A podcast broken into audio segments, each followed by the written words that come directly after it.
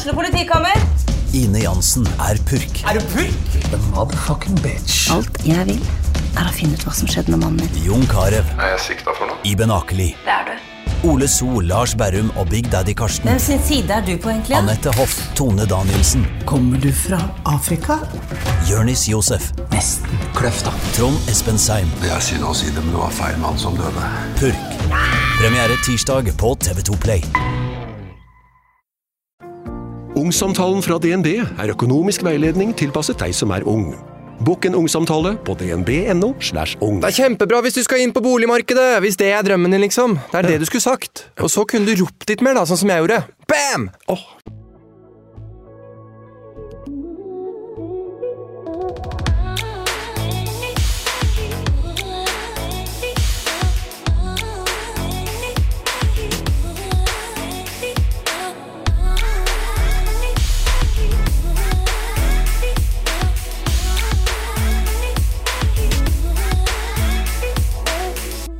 I 2016 publiserte TV 2 en episode med Kenneth i Vårt lille land. Der forteller Kenneth om en forferdelig hendelse som skulle ta plass for over 30 år siden. Den dypt bevarte hemmeligheten.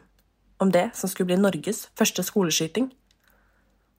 I dag skal han fortelle om hvordan barndommen påvirket handlingene hans, men også hvordan ting har vært etter at hemmeligheten ble kjent. Dette er Kenneth sin side av historien.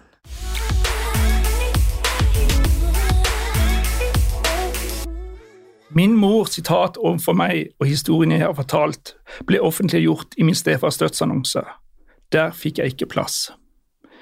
Dette er kostnaden for det vi skal snakke om i dag. For det kosta mye. Veldig mye. Jeg har eh, Jeg har lyst til å begynne fra starten. Mhm. eh, fra barndommen din. Og hvorfor forsøke å få svar på hvordan det nesten kunne gå galt.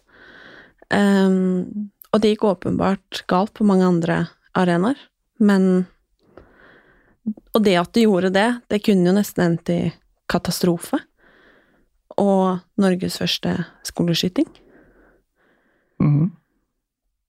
Ta oss tilbake, Kenneth, til, til du var barn. Hvordan var barndommen din? De første årene var jo litt eh, Hva skal jeg si for noe eh, Som de fleste sine når man er, når man er liten. eh, Mye lek og moro. Eh, Det var først da jeg begynte på skolen, at jeg merka at ting var i endring hjemme. Eh, Det begynte første gangen eh, hvor jeg la merke til at ting egentlig ikke var som det var. Det var eh, da jeg ikke ble henta etter min første speidertur. Tilfeldigvis så kom han ene speiderlederen tilbake, for han hadde glemt igjen noe der vi hadde leirplass. Eh, det var ettermiddagen, og jeg var fortsatt ikke blitt henta. Og da kjører han meg hjem, og hjemme i stua så sitter det og sover masse godt voksne folk, fulle. Dagen er på. Jeg husker det, det er en sånn knust glasskolbe, sånn kaffekolbe, eh, som var knust på eh, stuebordet.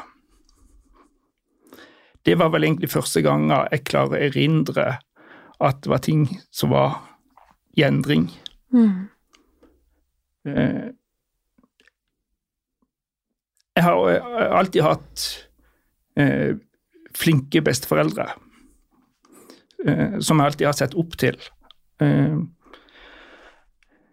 jeg tilbrakte mye tid hos de, eh, kanskje mer enn hva andre vil kalle normalt. Eh, for meg så ble det egentlig litt sånn min flukt, eh, min lille frihet i, eh, i hverdagen. Eh, Vi bodde den gangen borte i Farsund da det begynte. Min besteforeldre bodde i Kristiansand.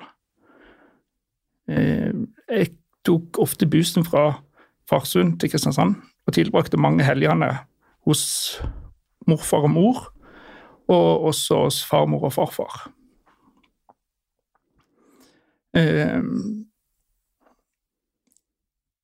Den gangen så tenk, jeg hadde jeg ikke noe sånn bevisst forhold til hvorfor jeg gjorde det. Men det er jo først sånn i ettertid at jeg ser at man gjør det for å kanskje få slippe å se det som foregår.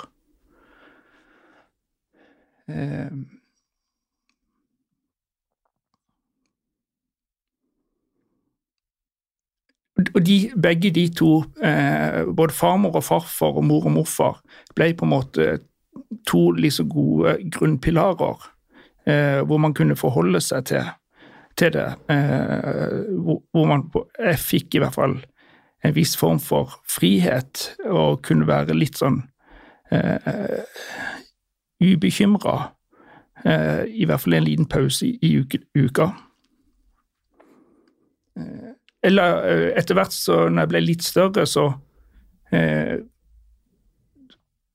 kommenterte liksom omgangsvennene til eh, mine besteforeldre at eh, de syntes det var så fint at jeg eh, ville være så mye sammen med de.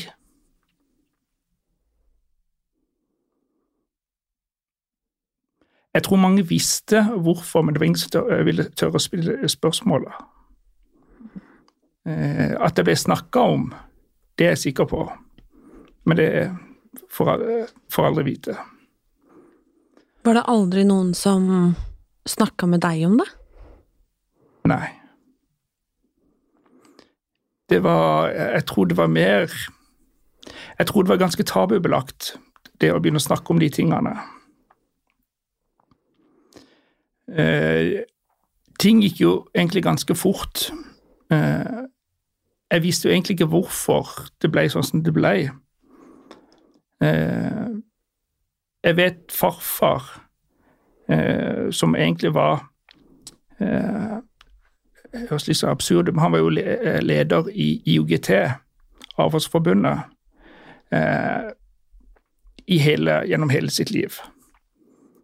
Den gangen det gikk Jeg vet ikke om det var første gang det skikkelig galt, den gangen det gikk skikkelig galt for pappa, som jeg kan huske, da kom farfar og henta han midt på natta.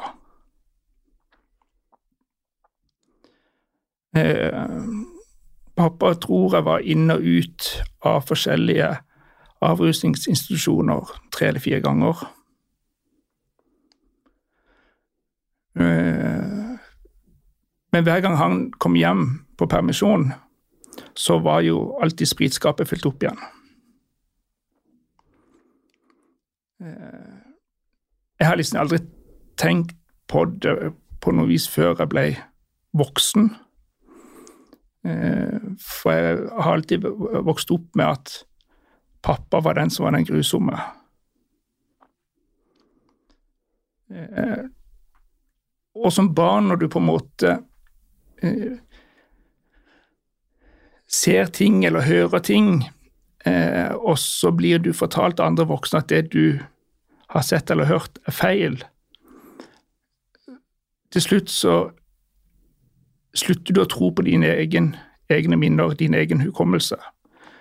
Eh, fordi at alle andre voksne sier at det er feil. Det stemmer ikke. Eh,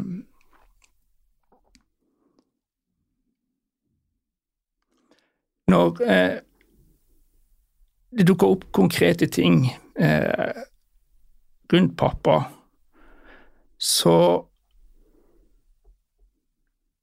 fikk jeg ikke de historiene helt til å henge sammen.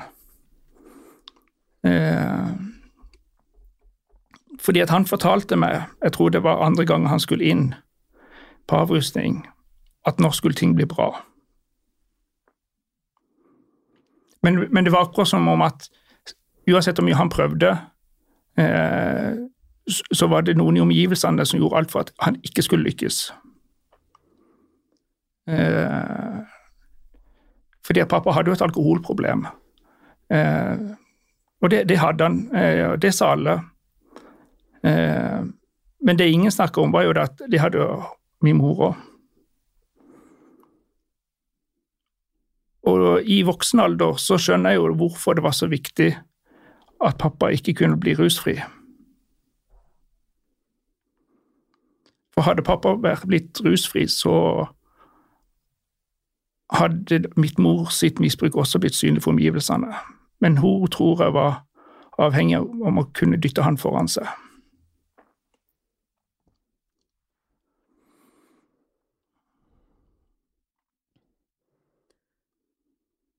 Sånn på skolen og sånn.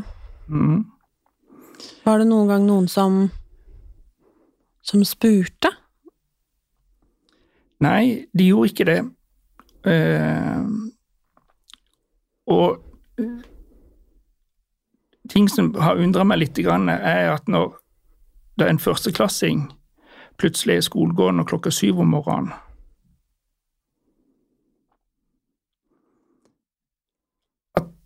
at lærerne skjønte eller visste, det tror jeg nok. Men de gjorde ingenting. Eh, og etter hvert som når eh, broren min også begynte på skolen, eh, og smurte matpakke til han, eh, så var det jo fortsatt ingen som sa noe om hvorfor vi var så tidlig på skolen. Eh, jeg hadde ikke noe begrep og forståelse, men for meg så var det liksom det å komme kanskje ut av hus før, før, før man, eh, foreldrene våkna. Og, og jeg vet ikke hvorfor. Eh, etter hvert så eh, Når man da fly... eh, Ja, skal si, for vi flytter jo ganske mange ganger. Eh, jeg har slutta Jeg tror jeg har mista tellinga, men at vi har flytta et sted mellom 13 og 15 ganger før jeg var ferdig med 9. klasse. Jeg tror jeg nok ikke er så veldig langt unna realiteten. Så i snitt så ble det ca. et år eh, flytting. Jeg flytter en gang i året.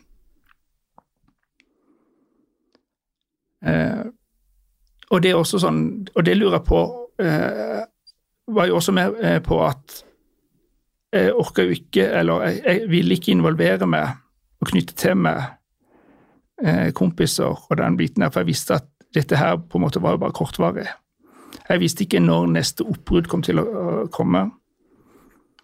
Eh, men jeg har skjønt at oppbruddene fort kunne komme når andre i omgivelsene begynte å komme litt for nærme.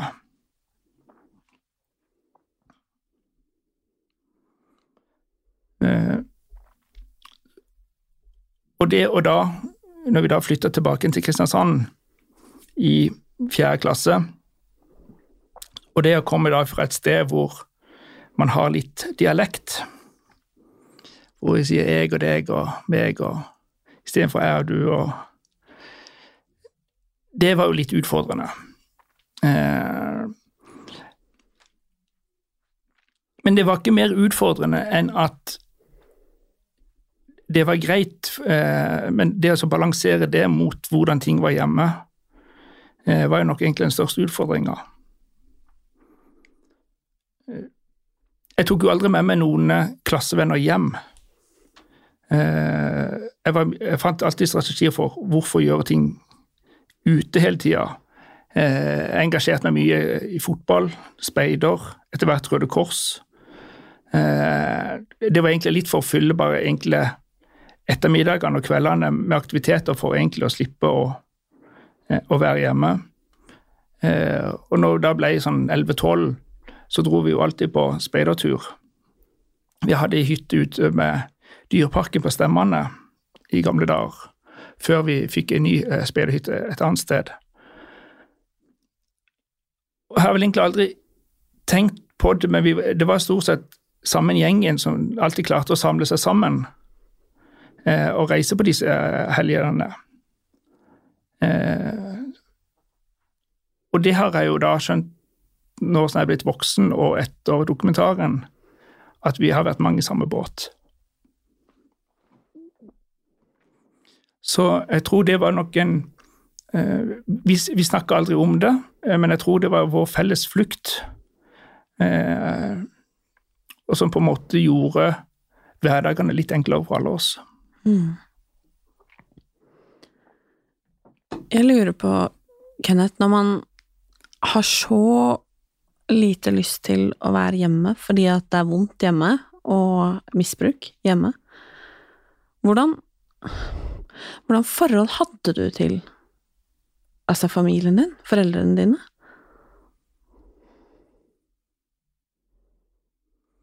Ja, det er et godt spørsmål.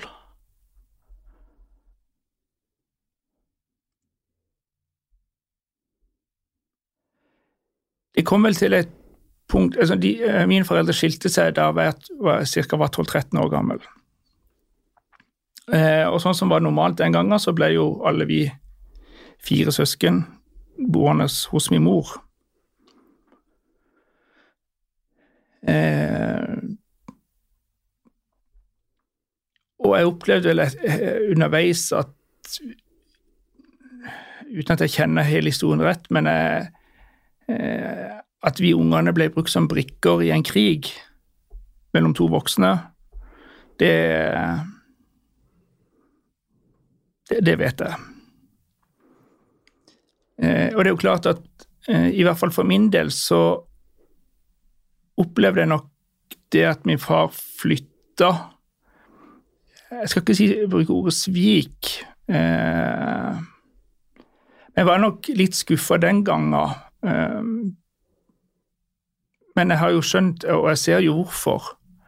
Eh, og det er jo litt sånn som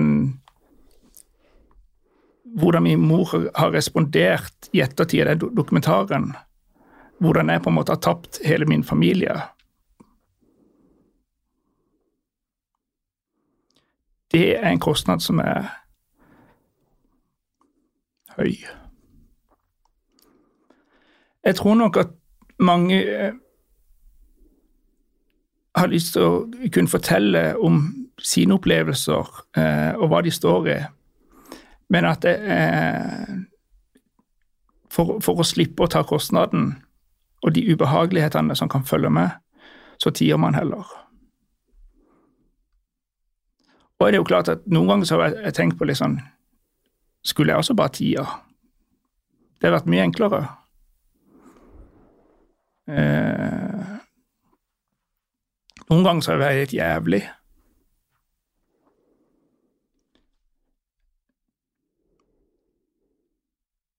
Særlig det som blir eh, ekstra vanskelig, eh, det er hvordan min mor går rundt og sprer usannheter i ettertid. Eh, fordi at hun ikke visste hva som foregikk den gangen. Eh, I min verden så illustrerer jo det bare og bekrefter bare hvor totalt fraværende hun egentlig var i mitt liv. Eh, og, og, der er det jo et par andre hendelser også. sånn Da jeg var 15-16, så måtte jeg operere kneet. Eh, da ble jeg sendt til Farsund sykehus den gangen. Eh, da fant hun det ikke bry verdt å komme verken og kjøre meg bort eller komme og hente meg. Eh, noen år senere, da jeg gikk på Rønningen folkehøgskole, så ble jeg innlagt på Aker sykehus på hjerte- og lungeavdelinga. Eh, og der ble jeg liggende på intensiven i nesten ei uke. Og jeg, ble, jeg, var innlagt i nesten tre uker til sammen. Eh, min mor fant ikke bry den gangen jeg engang kom inn. Jeg ble henta på folkehøgskolen i ambulanse. Eh, de første tre-fire dagene på intensiven så lå jeg med dobbel intravenøst fordi at eh, all væske bare rant ut av kroppen. Så eh,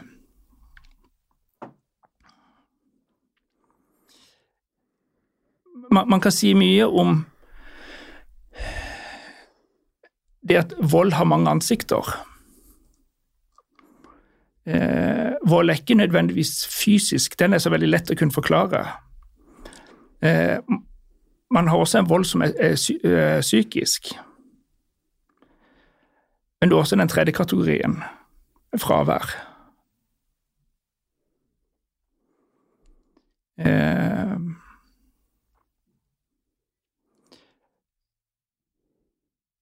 jeg tenker at det er, det er, en type vold som eh, mange opplever kanskje i ganske stor grad, men kanskje ikke helt klarer å definere det eh, og sette ord på hva er det for noen ting. Men de begrensningene der, eller den avvisninga som på en måte foregår, eh, danner jo mye av grunnlag for hva slags type relasjoner man vil ha. Én eh, ting er at man som foreldre kan, kan være litt tilbakeholdne, men hvis du får beskjed at ditt barn ligger på sykehus, da slipper du det du har i hendene.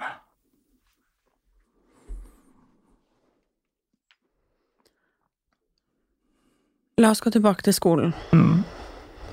Hvordan hadde du det på skolen? Egentlig så hadde det sånn jevnt over greit. Eh, det var mye mobbing eh, på skolen. Eh,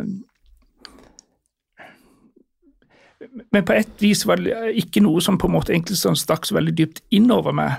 Sånn, på, de, de, små stikkene. For mye av det var egentlig ganske sånn uskyldige stikk. Eh, men så blir det, sånn, eh, i hvert fall på barneskolen, så blir det litt annerledes når man kommer på slutten av barneskolen, begynner på ungdomsskolen. Eh, ting begynner å bli mer trøblete hjemme. Eh, og etter hvert så, så, blir det disse her eh, småstikkene på skolen også som gjør at det begynner å bli litt mye. Eh, du kan sammenligne litt med et vannglass. Eh, ting på skolen kan fungere fremstå som ganske uskyldig hvis vannglasset ditt er tomt. Eh, men hvis du har det helt jævlig hjemme, eh, som ikke andre ser, så kan det godt være at du balanserer det glasset allerede på toppen når du er på skolen. Og da kan det være nok med bare den lille stikket, som andre har kunnet gjort i, i lang, lang tid, for det, og, og da har det bare vært for gøy. Det vært, men det kan være nok til akkurat at vannet renner over kanten. Så kan det godt være at i lange perioder så går ting veldig bra, både hjemme og på skolen. Og da fordamper jo eh, vannet i glasset. Og da kan man tåle mye mer igjen. Eh, og det er nok det som er der vi er tilbake til den vårdagen på, på Fisker skole, hvor ting kunne ta en litt annen vending. Eh, det var egentlig litt eh, eh, Hva skal vi si for noe? Litt, det ble en litt sånn jævlig dag. Eh, det var tydeligvis mye som foregikk hjemme. Det, gå, det var vel eh, Om det var rett før eller etter samlivsbruddet til min mor og de, at de skilte seg. Det var i hvert fall i den tidsperioden der hvor mye foregikk.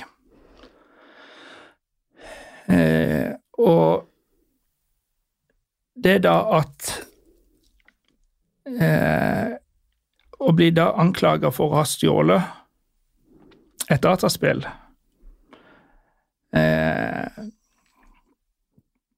Og måten det ble gjort på eh, Kanskje også vel mye måten læreren gjorde det på.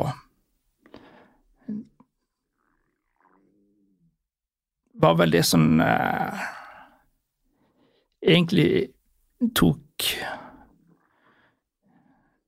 hva skal jeg si for noe Fikk mitt beger til å renne litt over.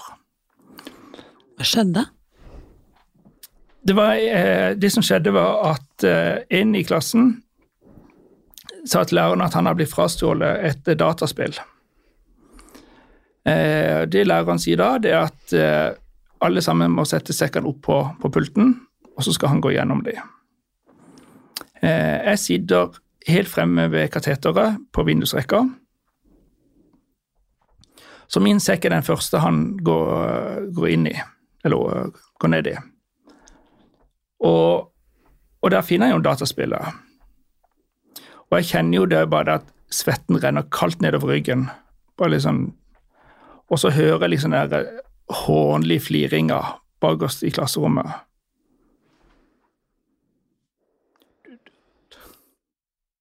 Du har bare lyst til, bare lyst til å grave deg ned. Eh, så jeg dro en annen vei hjem den dagen fra skolen. Eh, det, det, var en, en, liten sånn, ikke gatekjø, men en kiosk. Eh, som vi ofte pleide å handle, kjøpe lørdagsgodt på da vi var små. Så der satt jeg, og jeg satt og grein. Eh, og der var det også en av disse guttene som kom fra en eller annen sånn motorsykkelgjeng som eh, holdt til i området. Eh, først var han litt sånn eh, småspydig og frekk, og så skjønte han at det her var det, det var noe annet. Så spurte han liksom hva det var for noen ting. Og da forklarte jeg litt hva, hva som hadde skjedd, og at nå var jeg egentlig dritlei disse guttene. Eh, og at jeg rett og slett hadde lyst til å bare drepe dem. Eh, så han kom jo kom jo tilbake igjen litt seinere med et håndvåpen og ei eske med, med skudd. Eh, og sånn jeg skjønt i ettertid, så, så, så, var det nok flere som var litt eh,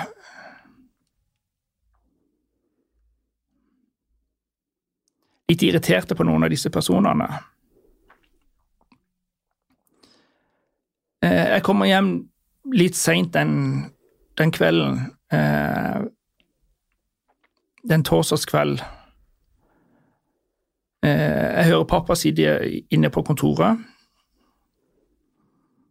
Og jeg går egentlig bare og, og legger meg. Eller jeg går rett og slett bare på rommet, for det blir ikke så mye soving.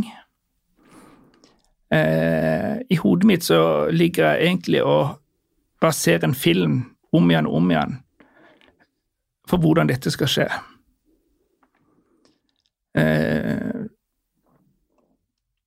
jeg står opp og går til skolen litt tidligere dagen etterpå eh, for at ikke jeg skal treffe på noen av de andre som går til skolen. For det, det jeg har sett for meg i mitt hode, og hvordan jeg skal gjøre dette, det er at jeg skal komme fem-ti minutter for seint inn i klassen. Og så skal jeg skyte læreren, og skal skyte de elevene. Så jeg har ikke tenkt å løpe, da skal jeg bare sette meg stille og rolig ned. Det var egentlig en form for litt sånn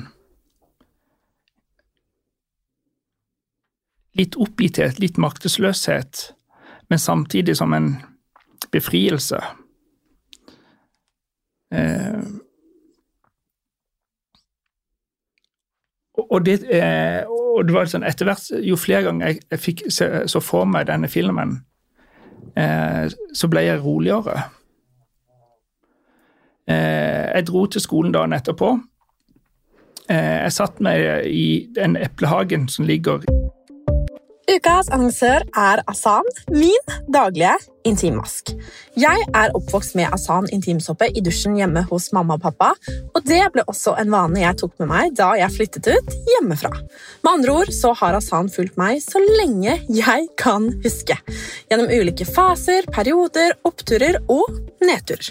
Og vet du hva? Nå har Asan blitt nyere og bedre. Med et oppdatert utseende, ny logo og bedre formulering som er ekstra mykgjørende.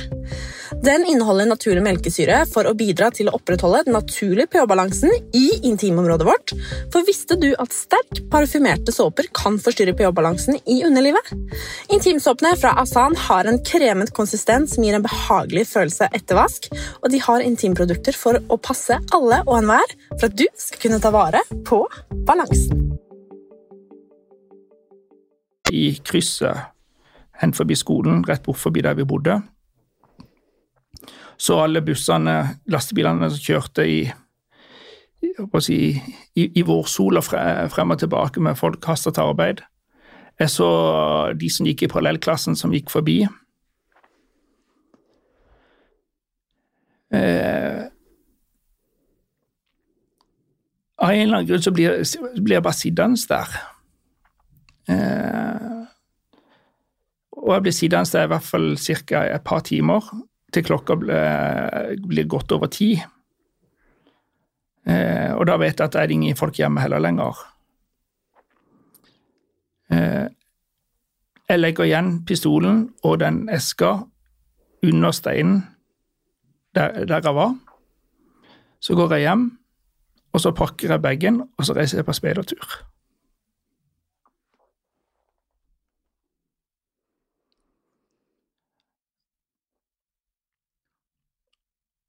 Hvor Hvorfor skjedde det ikke?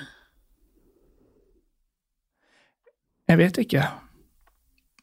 Eh, jeg har eh, Hva jeg tenkte på da jeg ble satt så lenge eh, Jeg klarer ikke å sette ord på. Det, det jeg lurer på, kan være eh, når jeg snakker om disse tingene igjen i de siste årene, eh, så er jo det at jeg har jo lagd med min film hvordan dette skal foregå. Eh, og for hver gang jeg da har hatt den filmen, så har jeg blitt roligere. Eh, muligens det eh, kan ha vært noe underbevisst som har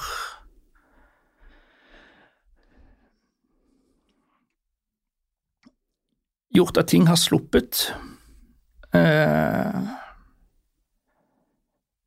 for, for, jeg kan ikke si noen ting eh, på det. Eh, jeg hadde ei fin helg på, på speidertur.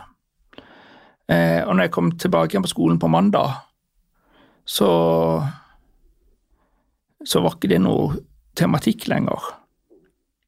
Jeg var rolig, liksom, og det var greit. Det var akkurat som den helga på en måte ble en sånn liten sånn resetting. Mm. Men jeg har, jeg har, ikke noen god forklaring på det. Jeg vet det er mange som lurer på liksom, ja, men hva, hva har du tenkt for noen ting da? Hvorfor? Eh, men jeg har ikke noe godt svar. Så mitt eneste, eller Det jeg kan tenke meg, det er jo det at når du på en måte sitter og visualiserer og går gjennom ting om igjen og om igjen, så får du eh, kanskje utløp for noe av det i tankene dine. Eh. Mm. Når var første gang du fortalte noen om hva som, som hadde foregått?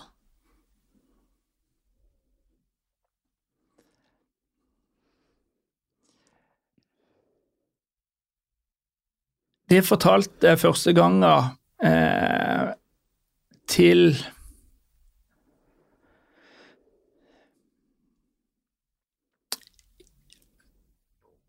et, Hva skal jeg si for noe eh, Broren til en av disse guttene som jeg hadde tenkt da vi møttes ut på byen. Unnskyld. Eh, det var vel i 2015, tror jeg det var. Året før dokumentaren. Så det var første gang jeg fortalte det overhodet til noen. Eh, og det var vel egentlig litt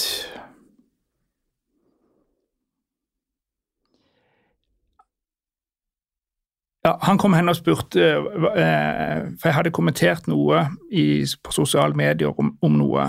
Eh, og eh, da kom, kom frem at ja, men du hadde jo ikke vært eh, bestebarn du heller, fikk jeg tilbake. Og det var da jeg bestemte meg egentlig, vet du hva, nå skal du faktisk få høre. Jeg tror han opplevde det som sjokkerende. Mm. Eh, og det har vært lettere for meg å snakke om de tingene eh, til andre enn til de nærmeste. Min søster eh, fikk nyss på eh, at jeg holdt på med den dokumentaren, ved at hun tilfeldigvis hadde kjørt forbi mens vi drev og filma på noe. Og da sitter vi i har altså rekemiddag hos min mor og min stefar, med min søster og samboeren hos sin. Og dette da blir tatt opp, liksom at uh, vi har, sett uh, at vi har drevet film og lurt på hva det var.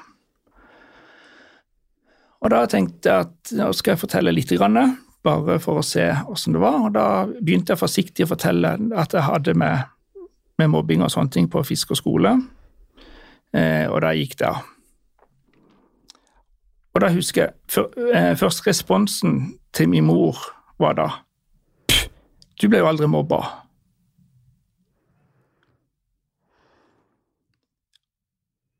Og da skjønte jeg med en gang at dette var ikke noe jeg kunne snakke om eller fortelle der i det hele tatt, for det ville aldri kunne lande.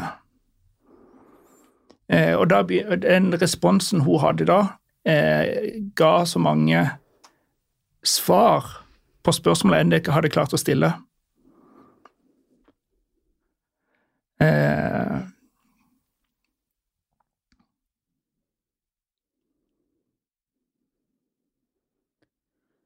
Har du noen gang tenkt på hvordan livet ditt hadde vært og blitt hvis dette hadde skjedd?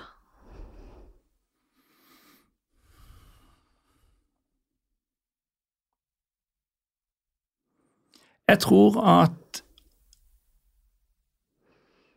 hadde, dette, hadde jeg gjennomført dette, eh, så hadde det ødelagt mange familier.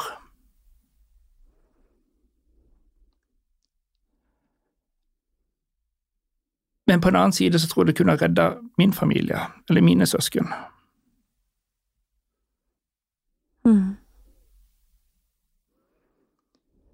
Eh, kanskje noen da hadde brydd seg.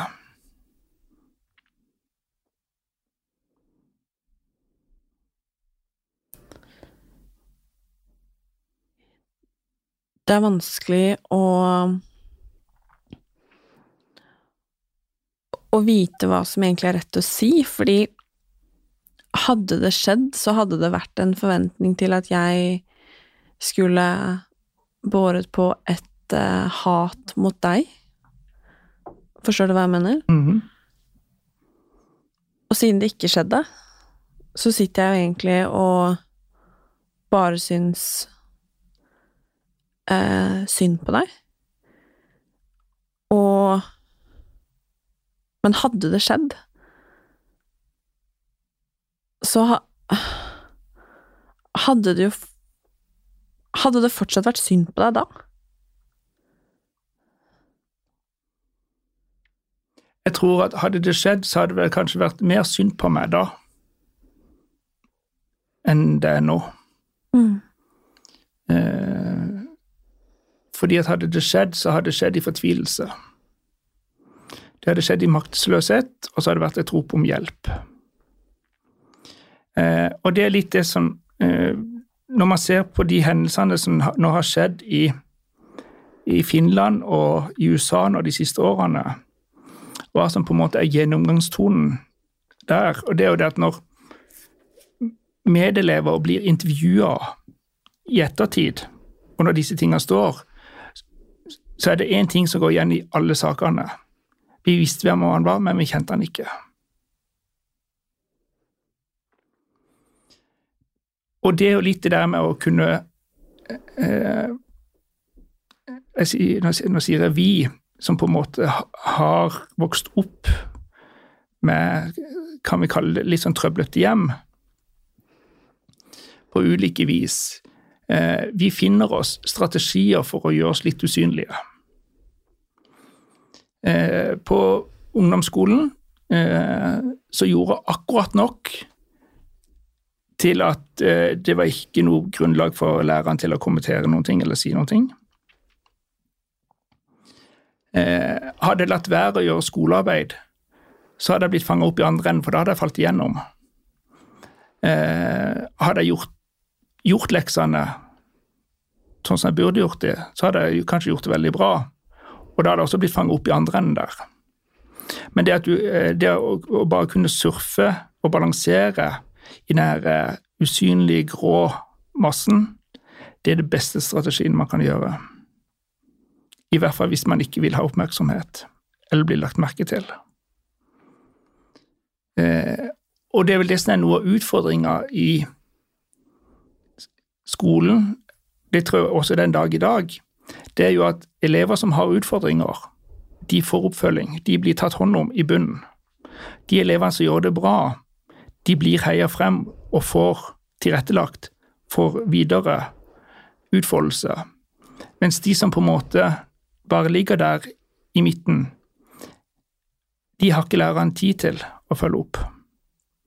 De bare forsvinner der.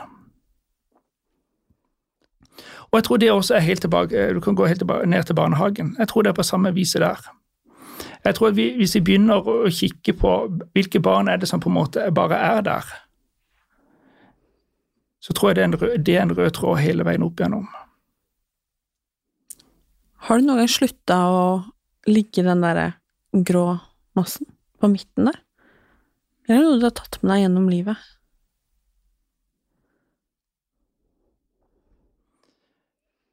Etter hvert som man vokser opp, så, så lager man seg en rustning. Eh, jeg har i alle år vært eh, Jeg tror mange har opplevd meg som en god samtalepartner. Eh, en de har kunnet komme til hvis det har vært noen ting. Men jeg har aldri vært en som har delt av meg sjøl. Eh, men jeg har latt alle andre få lov til å la de sine problemer eller utfordringer få lov til å lande. Eh, Så det som skjedde gjennom den dokumentaren, var vel egentlig at jeg da tok av, eh, tok av meg min egen rustning. Eh, og jeg har virkelig lagt meg laglig til hogg. Eh, og det har jeg jo sett at har hatt sin pris. Og prisen har jo vært min familie. Er det på grunn av skam, tror du?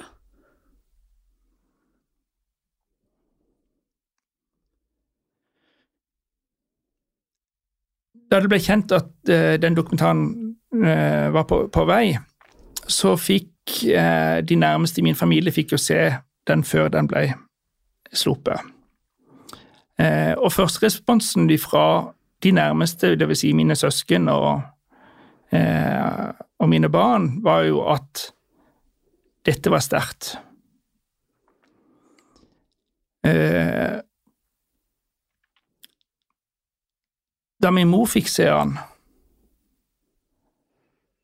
så endra mine søsken sine holdninger. Eh, min mor ville stoppe dokumentaren. Hun var i kontakt med TV 2.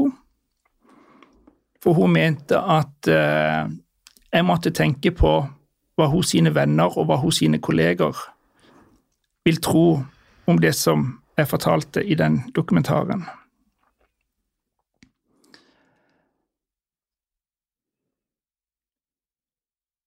Og den responsen der er jo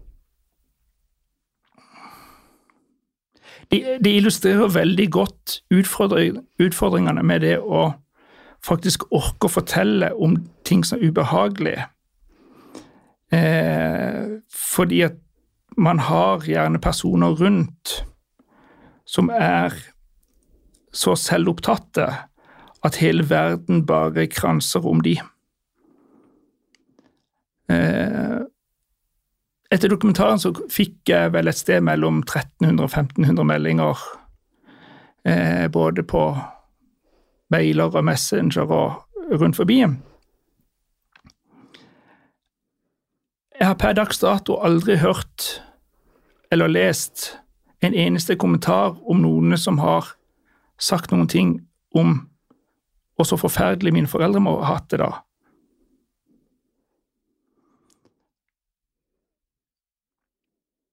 Og det er jo det som nå blir en del av problemet med at det å, å tørre å fortelle eh, Hvem skal man ta hensyn til?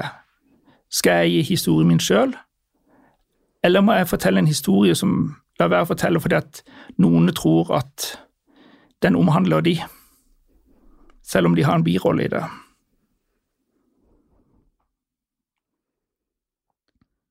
Når du leser og hører om uh, skoleskytinger, trigger det på noen måte deg? Nei. Hvordan reagerer du? For jeg, noe sier meg at du kanskje reagerer på en litt annen måte enn hva jeg for eksempel gjør, som er opplært til å reagere med vanvidd og eh, kanskje til og med hat. Mm. Jeg, jeg, skjønner, jeg, det. Eh, og hver gang det skjer, så er det en gang for mye. Eh, og det er like trist hver gang. Jeg, sånn, jeg klarer ikke å si jeg setter de Jeg skjønner hvorfor du tenker sånn som du gjør. Eh, men, men jeg kan se hvorfor ting kanskje skjer. Eh, og, og, men jeg, skal, jeg, kan ikke forsvare det, for det er ikke riktig uansett. Eh, og, og, det er jo en tragedie hele, hver gang. Men det er jo det som er noe at når man eh, lukker litt øynene eh, Man vil ikke blande seg inn. Eh, venner, klasseelever, studenter, medstudenter man velger å holde avstand istedenfor å velge kontakt. Vi har jo hatt noen hendelser her, her, hjemme i Norge også de siste årene. Eh, og da forteller jo medelever at de har jo sjøl sett da endringer, eh, men de har likevel valgt å ikke gjøre noen ting eller ikke si noen ting. Eh, og, jeg, skjønner godt hvorfor de gjør det, og velger den, den biten her. For det, det koster, eh, og det er et helvete, unnskyld uttrykket, å stå og tørre og orke å gi beskjed om sånne ting. Og det, det er nok en pris mange nok ikke er klare for å betale. Eh,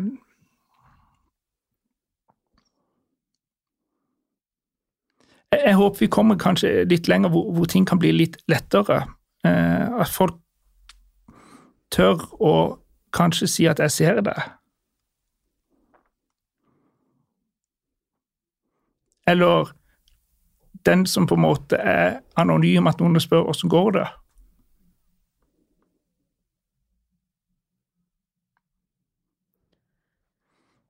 Hva kan man som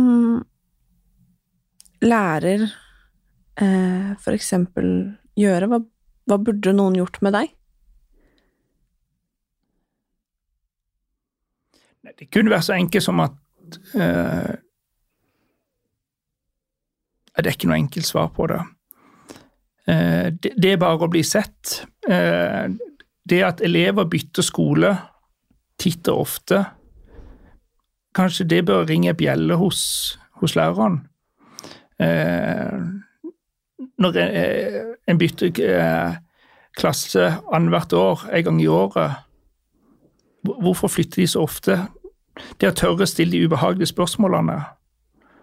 Eh, men, men, det er jo krevende. Eh,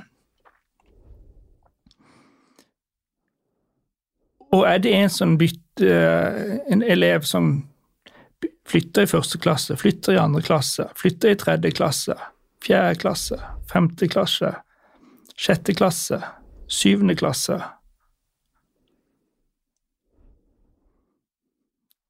Kan man spørre hvorfor? Og det vil alltid komme med gode forklaringer fra, fra de voksne. De har alltid en plausibel forklaring. Det kan være Nei, jeg fikk meg en ny jobb. Vi måtte flytte. Eh, det ble sykdom i familien. Jeg vil flytte nærmere. Jeg fikk ny jobb igjen.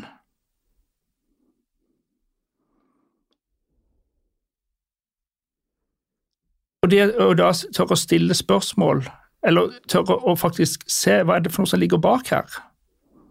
Er det andre ting? Eh, det går an å se hvordan elevene har det i hverdagen. Eh, hvem har de omgangsvenner? Er de alene? Men så eh, tenker jeg at vi skal heller ikke se spøkelser på høylyse dagen i forhold til at det å være alene er ikke nødvendigvis det å være ensom. Mange barn trives veldig godt i sitt eget selskap, eh, men det betyr ikke at de er ensomme. Men så har du også de som er ensomme i fellesskapet. Så, så det er en veldig sånn tung bit å trø inn i.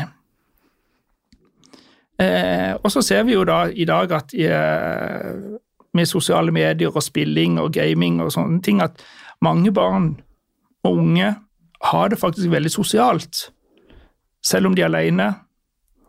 Eh, for de har allikevel en felles plattform i forhold til det. Bærer du nag mot de som mobba deg? Den dag i dag?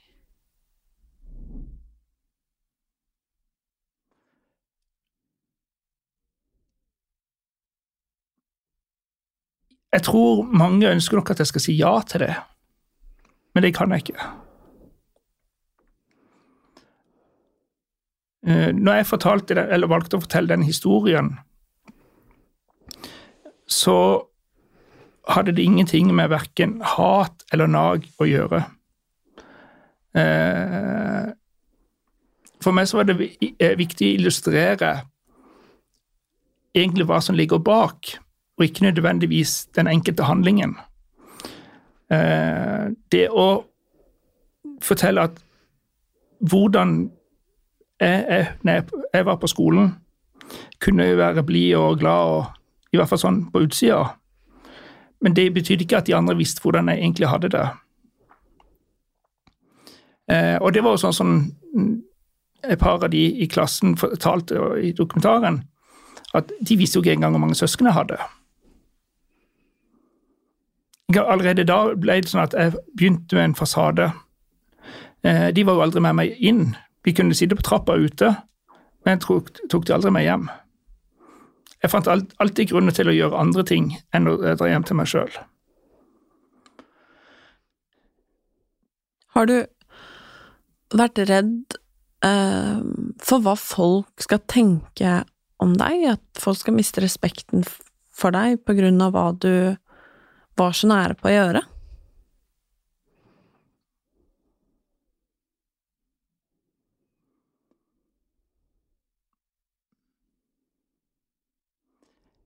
Jeg, jeg liker ordet respekt. Eh, men det er jo klart at man gjør seg noen tanker av og til om Gjør andre seg tanker? Eh, men, men, det kan ikke jeg styre, det er utenfor min kontroll. Eh, jeg tenker at eh, Det må den enkelte sjøl svare for. At noen eh, har behov for å harselere med et eller annet sånn ting. Jeg ser at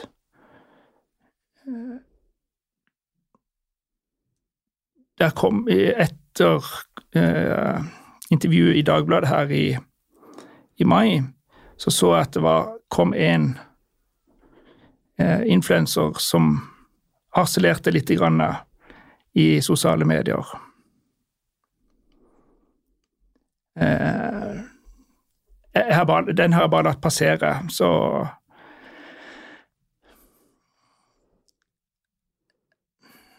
Men ellers Nei, jeg tenker det må være opp til den enkelte om de, hvordan de vil håndtere de tingene. Eh, er noe de vil vite, så vet de hvor de finner meg. Eh, jeg svarer på det folk lurer på. Av og til så spør de om kanskje ting de egentlig ikke vil vite, men de vil vite likevel.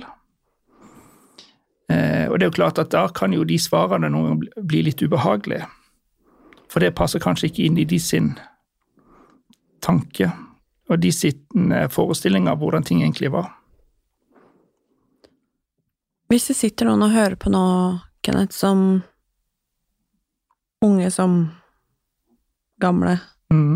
eh, og føler på disse følelsene som du har følt mye på, og eh, kanskje et sinne for hvordan noen behandler dem, eller at man sitter i en situasjon der man er mobba, blir mobba. Um, har du noe du kan si til de, som du kunne ønske at noen sa til deg? Det går bra.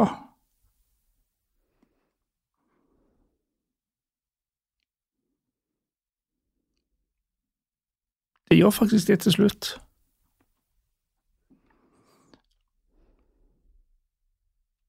Det å Ser man noen, eller vet man om noen, så trenger man faktisk ikke si så veldig mye. Man kan bare si hei. Så enkelt og greit er det. Eh, vil man mer, så kan man spørre faktisk hvordan det går. Men hvis du spør, så må du faktisk mene at du, du faktisk vil vite det.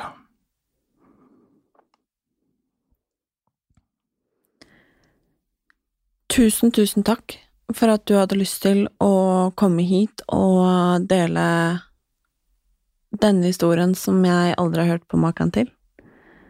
Um, og for å minne oss på veldig mye viktig, og ikke minst lære oss om, om noe vi egentlig ikke prater om. Så jeg er veldig takknemlig for det, og jeg uh, sitter egentlig igjen med litt sånn tomhetsfølelse på flere måter. Og om ikke jeg hadde bestemt meg fra før av at jeg skulle forsøke å se menneskene rundt meg, så skal jeg Jeg skal ta en ekstra sjekk i dag. Takk for at jeg fikk komme.